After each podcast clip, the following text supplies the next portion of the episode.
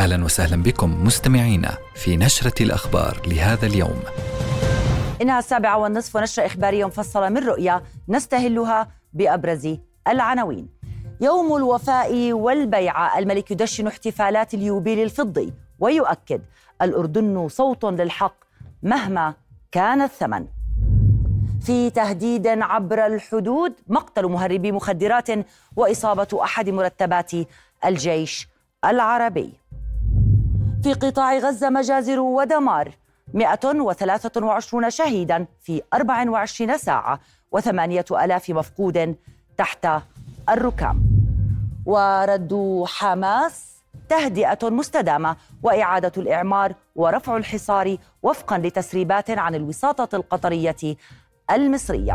وفي عالم الملاعب طفرة جوية أردنيون يتدفقون على الدوحة لمؤازرة النشامة. أهلا بكم وإلى التفاصيل.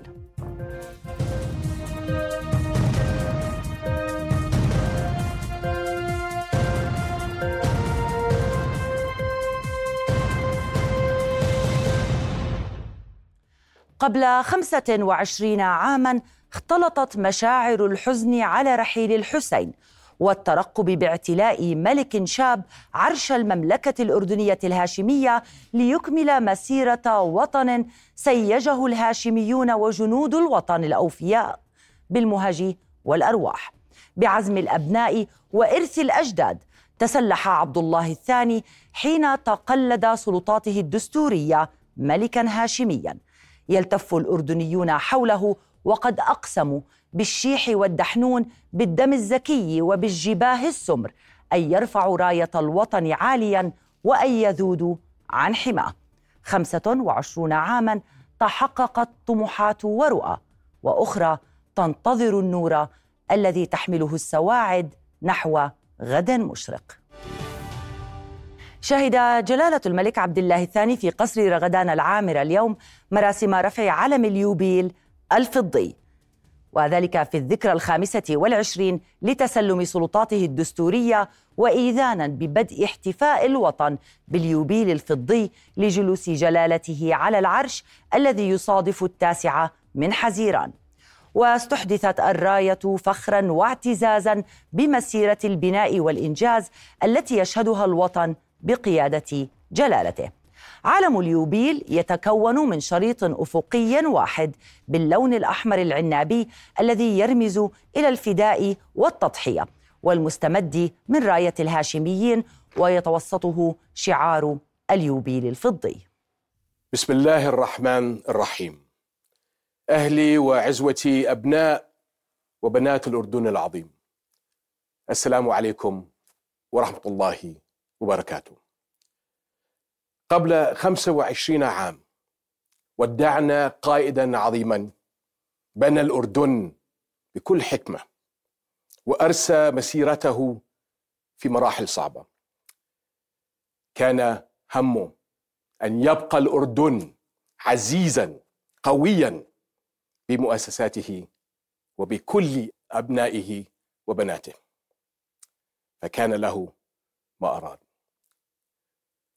رحم الله والدي الحسين الذي رحل عنا مرتاح الضمير. نستذكره دوما بكل اعتزاز قائدا وانسانا واخا وابا لكل الأردنيين.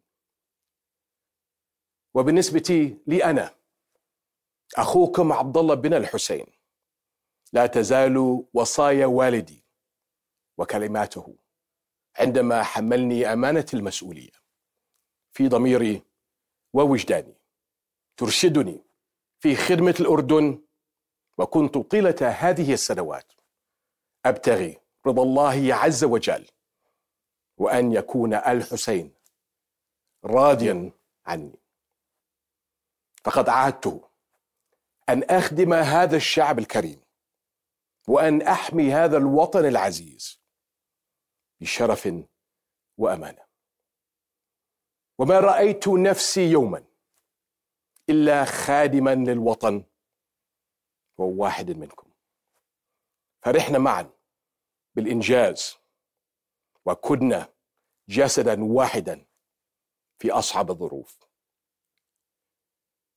إخواني وأخواتي أبنائي وبناتي تعلمنا من الحسين ومن الأجيال التي آمنت بهذا الحمى وأخلصت له أن للأردن مكانته ودوره واحترامه في العالم.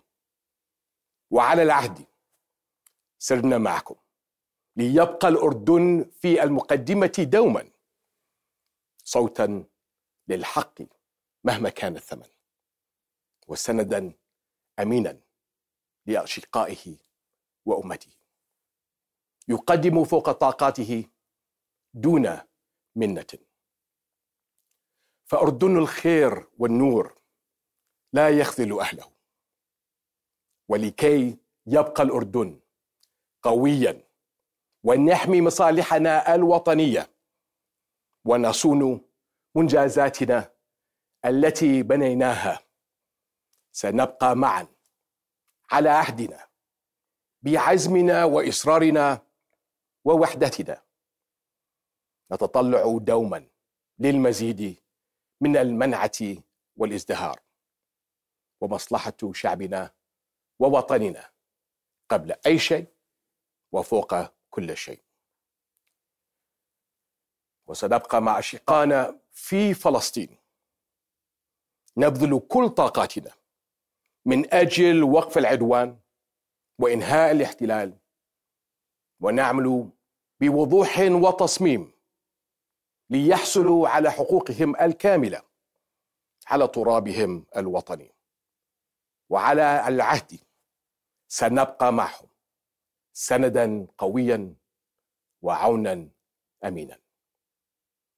على العهد واصلنا معا مسيرة بناء الأردن الحديث في مطلع القرن الحادي والعشرين.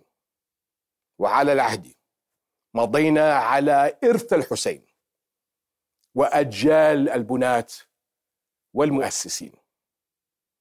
وعلى العهد نمضي بعون الله بمسؤولية لخدمة أجيال الحاضر والمستقبل نحو هدف وطني نسير فيه بثقة وتصميم.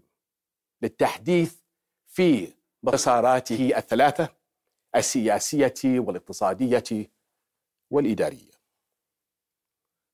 وكما علمني الحسين فلا مسعى عندي إلى رضا الله وراحة الضمير ورفعة شأن كل الأردنيين والأردنيات.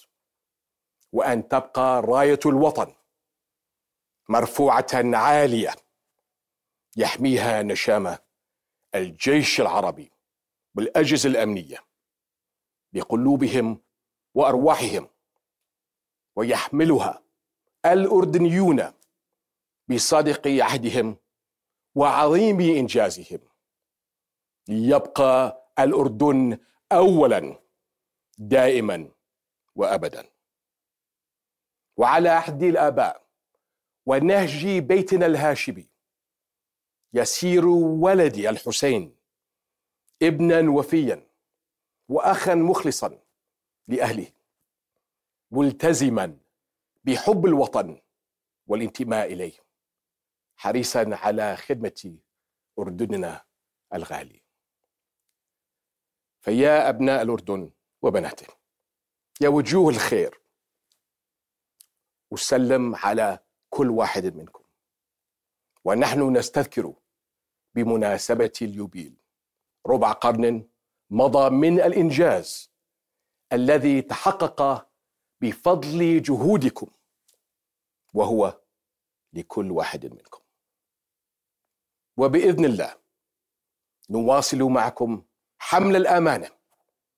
فأنتم أهل العزم ومن أرض العزم ومنكم تأتي العزائم. السلام عليكم ورحمة الله وبركاته. هذا وزار جلالة الملك عبد الله الثاني وجلالة الملكة رانيا العبد الله اليوم ضريح المغفور له بإذن الله. جلالة الملك الحسين بن طلال طيب الله ثرى في الذكرى الخامسة والعشرين لرحيله. كما زار الضريحة سمو الأمير الحسين بن عبد الله الثاني ولي العهد وعدد من أصحاب السمو الملكي الأمراء والأميرات وكبار المسؤولين المدنيين والعسكريين. السلام عليكم أهل الديار من المؤمنين والمسلمين. أنتم السابقون ونحن بكم إن شاء الله لاحقون. نسأل الله لنا ولكم العافية. اللهم لا تفتنا بعدهم ولا تحرمنا أجرهم. واغفر لنا ولهم يا رب العالمين. رحمة الله وبركاته وسلامه ورضوانه عليكم أهل البيت. إنه حميد مجيد. رحمك الله أبا عبد الله الحسين وجمعنا بك في الفردوس الأعلى من الجنة. اللهم اجزه عنا خير الجزاء بما قدم لدينه وأمته ووطنه وشعبه وتقبل يا مولانا إلى روحه الطاهرة ثواب سورة الفاتحة.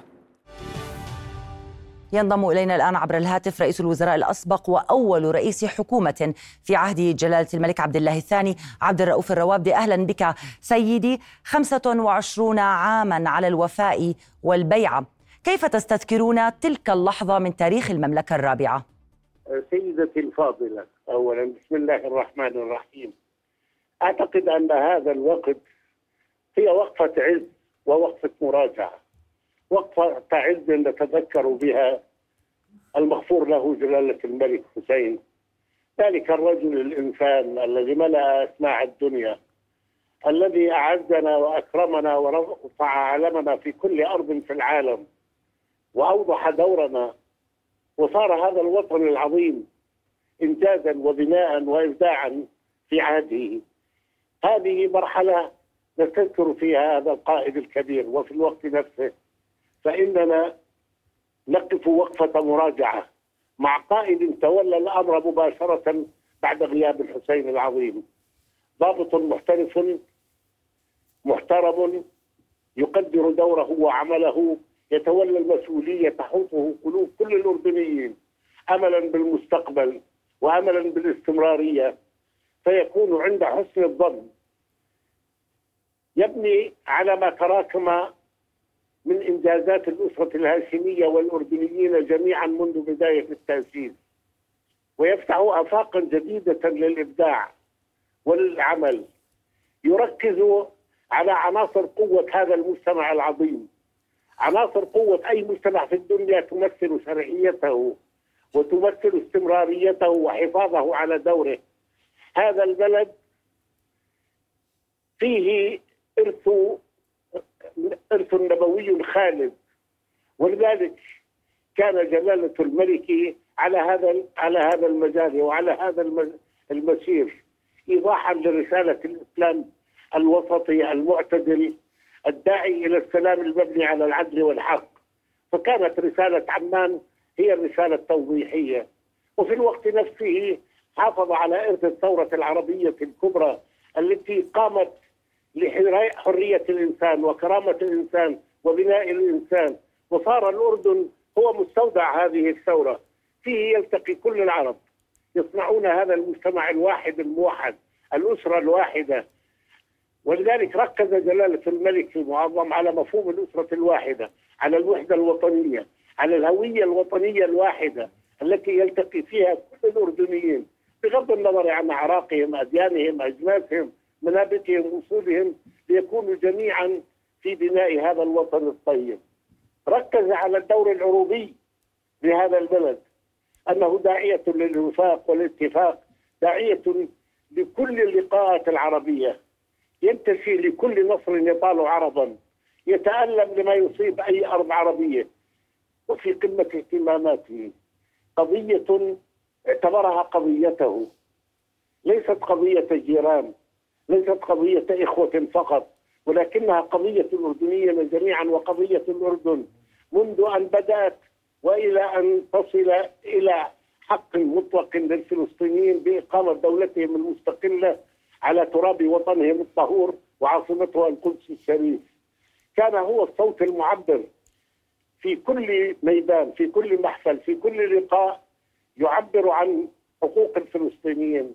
والدور الذي يؤديه الأردن إلى جانب الأشقاء واليوم وغزة تتعرض إلى غزوة بربرية لم يعني تعرفها إلى أيام جنكيز خان يقف صابدا دفاعا عن الحق الفلسطيني ووصولا إلى وقف إطلاق النار وحماية حقوق الفلسطينيين لإقامة دولتهم وأن تكون غزة جزء أصيل منها منها. ثم أيضا جلالة الملك أيضا ورث الديمقراطية ولكنه يجذرها ويعمقها ويعرف أنها لا تقوم إلا على التعددية ولذلك كان اهتمامه بالحركة الحزبية لأن تكون وسيلة يوما ما للوصول إلى تشكيل الحكومات البرلمانية المعبرة عن أغلبية مطالب الشعب الأردني. كل هذه الأدوار يستطيع الكثيرون أن يتحدثوا عن المنجزات ولكنني أتحدث عن المواضيع الكبيرة عن الإدارة وأن هذه الإدارة هي الناقل الحقيقي لفكر الدولة اللي يصل إلى المواطن. ركز جلالة الملك المعظم على التطوير الإداري في هذا الوطن وعلى اختيار القيادات الكفؤة وعلى الاتصال المباشر بالمواطنين لمعرفة مطالبهم قبل أن تتحول إلى أزمات. الموضوع كبير. لا يستطيع الإنسان الإحاطة به في في في عجالة ولكنني أقول أنك جلالة الملك حفظ العهد وتوسع بإجراءاته وتوسع بإنجازاته وفتح مجالات جديدة للعمل والبناء في هذا الوطن. ندعو الله أن يحفظه عزيزا سيدا وأن يحفظ هذا الوطن بقيادته وطنا حرا ابيا مدماج من مداميك الأمة العربية. نعم آمين. إذا يعني آه، بعزيمة القيادة بطموح الشعب وبإرادة المؤسسات يمضي الأردن بخطى ثابتة نحو المستقبل. شكرا لك الدكتور عبد الرؤوف الروابدة رئيس الوزراء الأسبق. إذا يستحضر الأردنيون الذكرى الخامسة والعشرين لتسلم جلالة الملك عبد الله الثاني مقاليد الحكم خلفا للملك الباني الحسين بن طلال طيب الله ثراه. يوم يتجدد فيه العزم على المضي قدما في طريق التنمية والازدهار تحت قيادة جلالته حامل شعلة الرؤية والتطلع نحو المستقبل. السابع من شباط. يوم مهم في تاريخ المسيرة الأردنية الملكية. يوم يستذكر فيه الأردنيون ملكهم الباني ويحيون وفاءهم له وهو ذات اليوم الذي يجدد الأردنيون فيه بيعتهم وعهدهم لجلالة الملك عبد الله الثاني الذي حمل الراية الهاشمية بعد والده لتستمر معه مسيرة العطاء والإنجاز والبناء الأردني. من شتى المنابز والأصول في المدن والأرياف والبوادي. على ما حطموني به من مشاعر الحب والوفاء التي لا نظير لها في هذا العالم.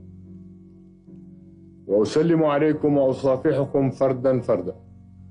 الجندي في موقعه العامل في مصنعه المزارع في حقله الموظف في دائرته الطالبة في مدرسته أو جامعته والشيوخ والأمهات والأطفال في بيوتهم وأقول لكم جميعا جزاكم الله عني وعن الوطن. كل خير. السابع من شباط عام 1999 كان يوما فقد الأردن فيه جلالة المغفور له بإذن الله.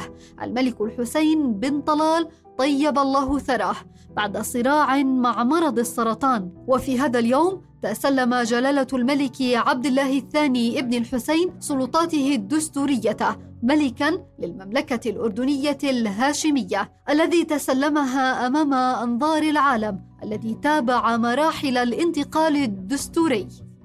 ولسوف يكبر عبد الله ويترعرع في صفوفكم وبين إخوته وأخواته من أبنائكم وبناتكم وحين يشتد به العود ويقوى له الساعد سيذكر ذلك اللقاء الخالد الذي لقي به كل واحد منكم بشرى مولده. ليحيي الأردنيون في كل عام من هذا اليوم ذكرى الوفاء والبيعة. الوفاء للملك الباني الذي رحل وأوجع قلوب الأردنيين رحيله لشدة حبهم له. والبيعة للملك عبد الله الثاني الذي سار على درب والده في البناء والإنجاز للأردن. وما تركه له جلالة الملك الحسين. طيب الله ثراه من تلك الوصايا. كانت في رسالة كتبها ووجهها له في السادس والعشرين من كانون الثاني عام 1999 قال له فيها وإنني لأتوسم فيك كل الخير وقد تتلمذت على يدي وعرفت أن الأردن العزيز وارث لمبادئ الثورة العربية الكبرى ورسالتها العظيمة وأنه جزء لا يتجزأ من أمته العربية وأن الشعب الأردني لابد أن يكون كما كان على الدوام في طليعة أبناء أمته في الدفاع عن قضاياها ومستقبل أجيالها. وبعدها انطلقت مسيرة الملك عبد الله الثاني للأردن الذي وضعها في صورة الأردن اولا لتكون شعارا مستمدا من نداء والده الذي قال فلنبني هذا البلد ولنخدم هذه الأمة. والتي تجمعت حولها القدرات والطاقات الأردنية الأصيلة التي لبت النداء وعملت على تحقيقه انطلاقا من انتمائها ووفائها وبيعتها للقيادة الهاشمية والأردن. غادرنا الحسين لكن إرثه ومبادئه راسخة وأصبحت ثقافة فينا ونهج عمل. وشعار الحسين رحمة الله عليه. الإنسان أغلى ما نملك. كان هدفي على الدوام وبوصلتي في خدمه أبناء وبنات شعبي العزيز. واستمرت هذه المسيرة بعد مئوية الأردن الأولى ودخولها مئويتها الثانية. واليوم نحتفل باليوبيل الفضي لجلالة الملك عبد الله الثاني. الذي طالما سعى لتحقيق التنمية الشاملة في الأردن على مختلف الأصعدة من التعليم والصحة والسياسة والحياة الاجتماعية والاقتصادية وخرجت منها عن نطاق الأردن لتتجه وتخدم القضايا العربية وتدعمها وتشتبك مع العالم بأسره بما يخدم المملكة وتتركز على إظهار الصورة الحقيقية للعرب ورسالة الإسلام المبنية على التسامح والعدالة وقبول الآخر. وليبقى السابع من شباط يوما للوفاء والبيعه نستذكر فيه المغفور له بإذن الله الملك الحسين الباني ونجدد العهد لجلالة الملك عبد الله الثاني بن الحسين. سائلين الله عز وجل أن يديمه ذخرا للأردن وشعبه. جدد سمو ولي العهد الأمير حسين بن عبد الله الثاني التأكيد على موقف الأردن الثابت تجاه الأشقاء الفلسطينيين وبتقديم جميع أشكال الدعم للأهل في قطاع غزة والضفة الغربية. وخلال لقائه عددا من وجهاء قصبة المفرق في منطقة رحاب بمحافظة المفرق بحث سموه واقع المحافظة في مختلف القطاعات والفرص المتاحة أمام الشباب وأهمية تمكينهم لسوق العمل. وخلال الحوار الدائر أشاد الحضور بتزامن زيارة سموه إلى المفرق مع الذكرى الخامسة والعشرين ليوم الوفاء والبيعة وتسلم جلالته سلطاته الدستورية. قتل ثلاثة مهربين وأصيب آخرون خلال محاولتهم التسلل وتهريب مواد مخدرة من الأراضي السورية في عملية أحبطتها المنطقة العسكرية الشرقية اليوم. وبحسب مصدر عسكري مسؤول في القيادة العامة للقوات المسلحة فقد أصيب أحد مرتبات قوات حرس الحدود أثناء الاشتباك مع المهربين لدى تطبيق قواعد الاشتباك وحالته الصحية حرجة. مع دخول العدوان على قطاع غزة يومه الرابع والعشرين بعد المئة واصل الاحتلال الإسرائيلي غاراته العنيفة والمركزة على خان يونس ورفح جنوبا مخلفا 123 شهيدا و169 جريحا في 16 مجزرة ارتكبها الاحتلال خلال الساعات الأربع والعشرين الماضية.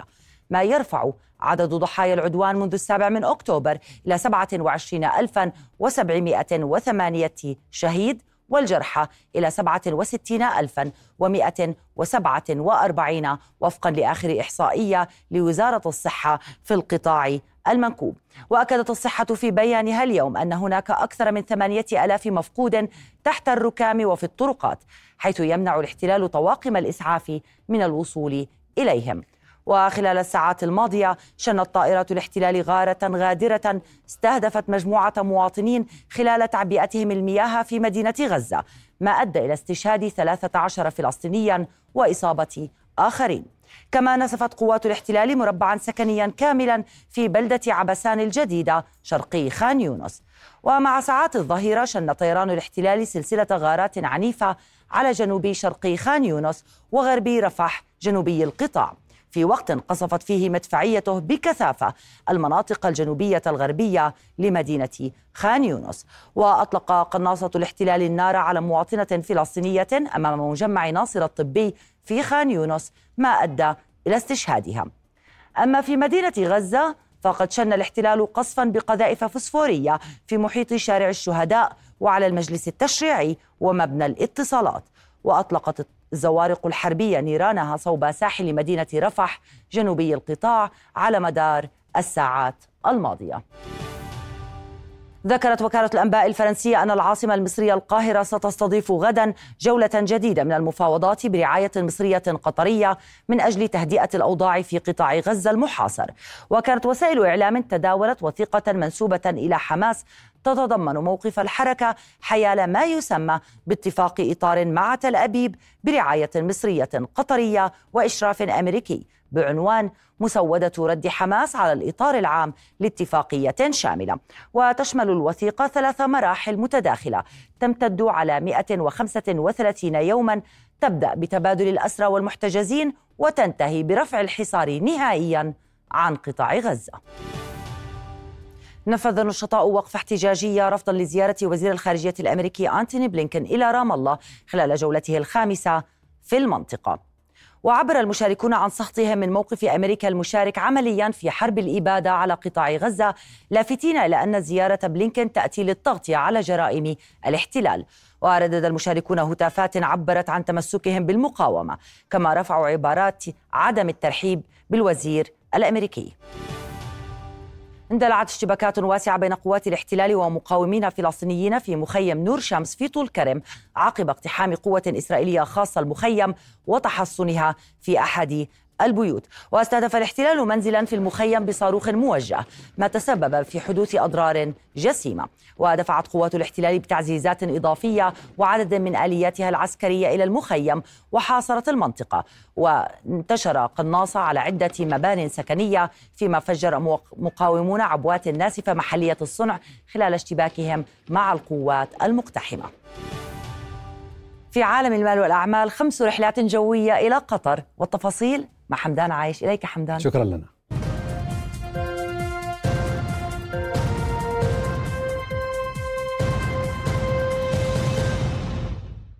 أهلا بكم. لمؤازرة المنتخب الوطني لكرة القدم في مباراته أو في مباراة نهائي كأس آسيا يوم السبت المقبل ارتفعت وتيرة الحجوزات للسفر إلى قطر بشكل لافت بحسب ما أكد رئيس جمعية وكلاء السياحه والسفر سهيل هلسة. الناقد الوطني رفع عدد رحلاته إلى قطر من رحلتين يوميا إلى خمس رحلات اعتبارا من يوم غد الخميس وحتى السبت فيما أبقت شركات الطيران الأخرى على مواعيد رحلاتها كالمعتاد. وقدر عدد المسافرين إلى قطر بأكثر من ألفين يوميا. أما أسعار التذاكر أكدت أنها شهدت ارتفاعا بواقع 100 دينار تقريبا حيث يتراوح الحد الأدنى من 300 إلى 580 دينارا فيما يعتمد السعر النهائي حسب مواعيد الحجوزات. وأشار إلى أن معظم الحجوزات تكون لمدة أربعة إلى خمسة أيام بسبب تزامن المباراة النهائية مع العطلة الأسبوعية رغم عدم وجود حجوزات فندقية في قطر. انتهت قبل قليل المباراة التي جمعت كلا من قطر وإيران ضمن بطولة كأس آسيا بفوز العنابي بثلاثة أهداف لهدفين وبهذا سيلتقي النشام يوم السبت في ختام البطولة الآسيوية مع نظرائهم القطريين. وبالانتقال إلى خبر آخر ارتفع حجم الطلب على العملة القطرية مع وصول المنتخب الأردني لنهائي كأس آسيا بحسب عاملين في قطاع الصرافة. عاملون في مجال الصرافة قالوا إن الطلب على الريال القطري شهد ارتفاعا ملحوظا منذ بداية عشار الحالي خصوصا مع تأهل المنتخب للمباراة النهائية في بطولة كأس آسيا وحول حجم الطلب على العملات الأخرى بخاصة الجنيه المصري الذي يشهد اضطرابات وتسجيل فروقات بين السعر الرسمي والموازي في السوق المصرية. أكد عاملون أن الطلب على الجنيه في الأردن مستقر فيما قال رئيس جمعية الصرافين عبد السلام سعودي إن الدولار هو الأكثر طلبا وبنسبة 90% مقارنة بالعملات الأخرى لافتا إلى أن الطلب على الجنيه المصري ضمن مستوياته الاعتيادية. الريال القطري في عليه طلب عشان بطولة آه، كأس آسيا. تمام. وهلا عم بتزيد لأنه في آه، مباراة نهائية يعني كل يوم عم بنبيع ريال قطري إشي كمية كبيرة. وفي عنا كمان على الجنيه المصري لأنه إحنا طبعا إحنا في عنا الوافد المصرية موجودة في الأردن بنحول حوالات على مصر على الجمهورية المصرية. تمام. وهلا أعلى قيمة اللي هي الكويتي اللي هو الدينار الكويتي أعلى قيمة اللي هلا موجودة بالعالم موجودة. بالفترة الحالية والأسبوع الماضي زاد التصريف كثير على الريال القطري بسبب البطولة آسيا ووصول منتخبنا للنهائي والتوفيق طبعا للمنتخب. ولكن راح بتوقع راح يزيد أكثر تصريف الريال القطري بسبب إنه المباراة النهائية الجمهور بيصرف وبيطلع من هون. بس لكن بشكل عام الدولار أكثر تصريفا في الفترات القادمة والماضية أصلا. لليوم الثاني نفذت أمانة عمان بالتعاون مع الأجهزة الأمنية حملة لإزالة البسطات المخالفة في عمان. وأزالت كوادر الأمانة بالجرافات البسطات المخالفة في شارع سقف السيل والموجود على الأرصفة بمشاركة الأجهزة الأمنية. ورصدت رؤية الجولة الرقابية على أنواع البسطات والمحال التجارية وافقت ضبط العديد من المحلات المخالفة. الحملة شملت بسطات ومحلات مخالفة والبيع العشوائي والاعتداء على الأرصفة في منطقة وسط البلد في العاصمة عمان. وتأتي الحملة التي تنفذها دائرة ضبط البيع العشوائي في أمانة عمان لإزالة البسطات العشوائية المنتشرة في المواقع والشوارع الحيوية والأماكن التي تتلقى الأمانة شكاوى بخصوصها من التجار والمواطنين. قررت الحكومة الفلسطينية صرف 60% من راتب شهر كانون الأول من العام الماضي. سلطة النقد الفلسطينية قررت تأجيل خصم الأقساط للموظفين من أبناء قطاع غزة حتى نهاية شهر نيسان المقبل كما وجهت سلطة النقد المصارف لجدولة قروض الموظفين وترتيب مديونياتهم آخذين بالاعتبار احتمالية استمرار دفع الحكومة رواتب غير مكتملة للموظفين خلال الأشهر القليلة القادمة. ولم يتلقى الفلسطينيون رواتبهم كاملة منذ تشرين الثاني نوفمبر 2021 على وقع أزمة مالية تعمقت مع العدوان الغاشم على غزة ورفض الاحتلال صرف أموال المقاصة كاملة والتي تقدر بنحو 190 مليون دولار شهريا وتعد رافدا رئيسيا لرواتب موظفي الضفة الغربية وقطاع غزة حسم مجلس النواب الأمريكي قراره بشأن تقديم المساعدات لكيان الاحتلال وأوكرانيا وصوت بلا لحزمة مساعدات للاحتلال بقيمة 17 مليارا و600 مليون دولار. التصويت جاء على قانون أحاله الجمهوريون في مجلس النواب يقر المساعدة للاحتلال فقط وذلك للتصدي لقرار الرئيس الديمقراطي بصرف الأموال للبلدين ضمن مشروع قانون واحد وتدور معركة في الكونغرس بشأن المساعدات حيث يريد البرلمانيون المحافظون صرف أموال جديدة بأي ثمن للاحتلال ويعارضون تقديم مساعدات جديدة لأوكرانيا لأن دافعي الضرائب الأمريكيين غير مسؤولين عن تمويل حرب لا تزال قائمة. إلى هنا نصل لنهاية أخبار الاقتصاد عودة إليك لنا. شكرا حمدان.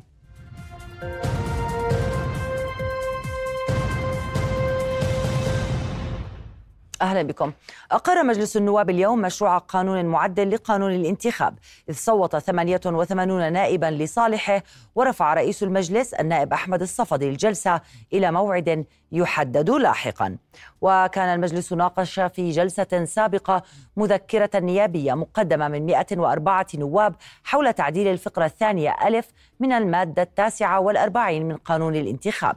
والمتعلقة برفع نسبة حسم العتبة للقوائم الانتخابية لتبلغ في القوائم المحلية 7% بينما تبلغ في القوائم العامة أي الوطنية 2.5% وخلال الجلسة أدت النائبة صباح الدردور اليمين الدستورية كعضو جديد في مجلس النواب خلفا للنائب عبد السلام ذيابات الذي وافته المنية الأسبوع الماضي.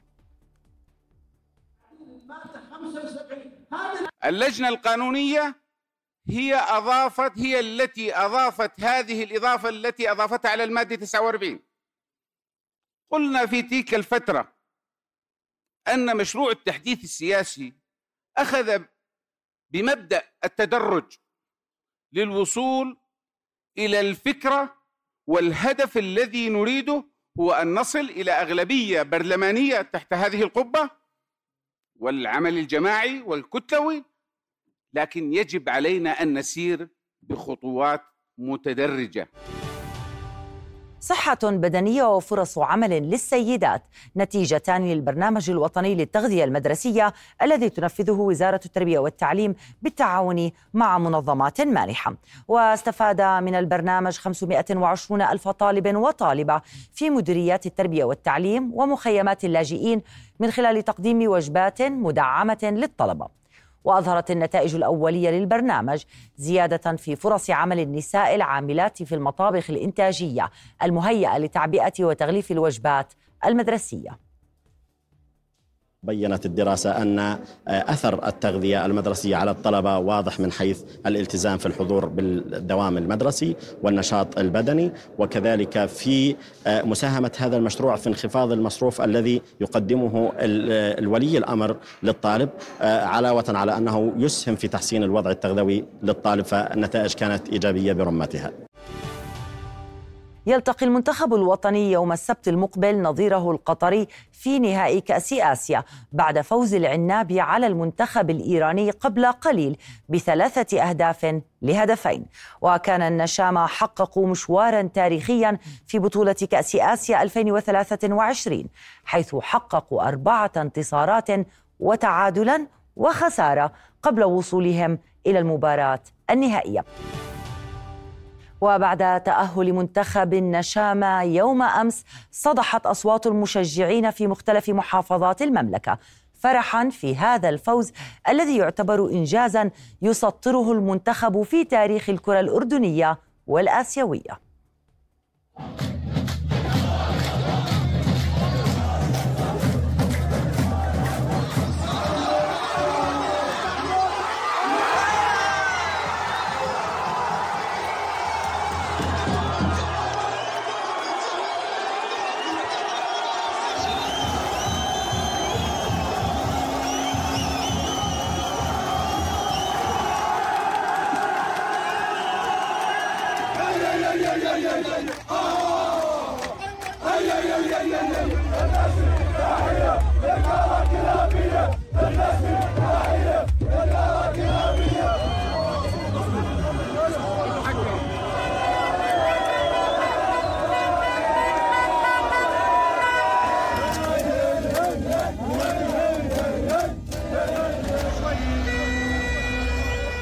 ألف مبروك للنشامة وإن شاء الله عقبال الفوز بالنهائي وفالنا الفوز بإذن الله والله يسعد الشباب التعمري ونعيمات ما قصر ما شاء الله الأجواء لا تعوض والله يسعدهم ما قصروا النشامه فرحونا وفرحوا الكل آه والله. وألف مبروك للشعب الأردني وإن شاء الله إن شاء الله الكأس لنا بإذن الله. الله يبيض وجوهكم مثل ما بيضتوا وجوهنا وإن شاء الله الكاس آسيوي. نوجه رسالة شكر لحمودة من موسى التعمير نقول لك استمر نحن معك إن شاء الله.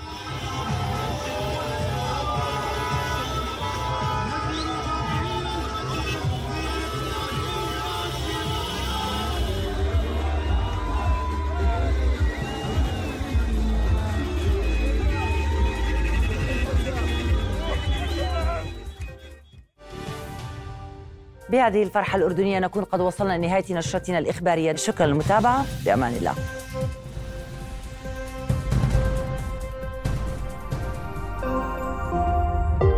رؤيا بودكاست.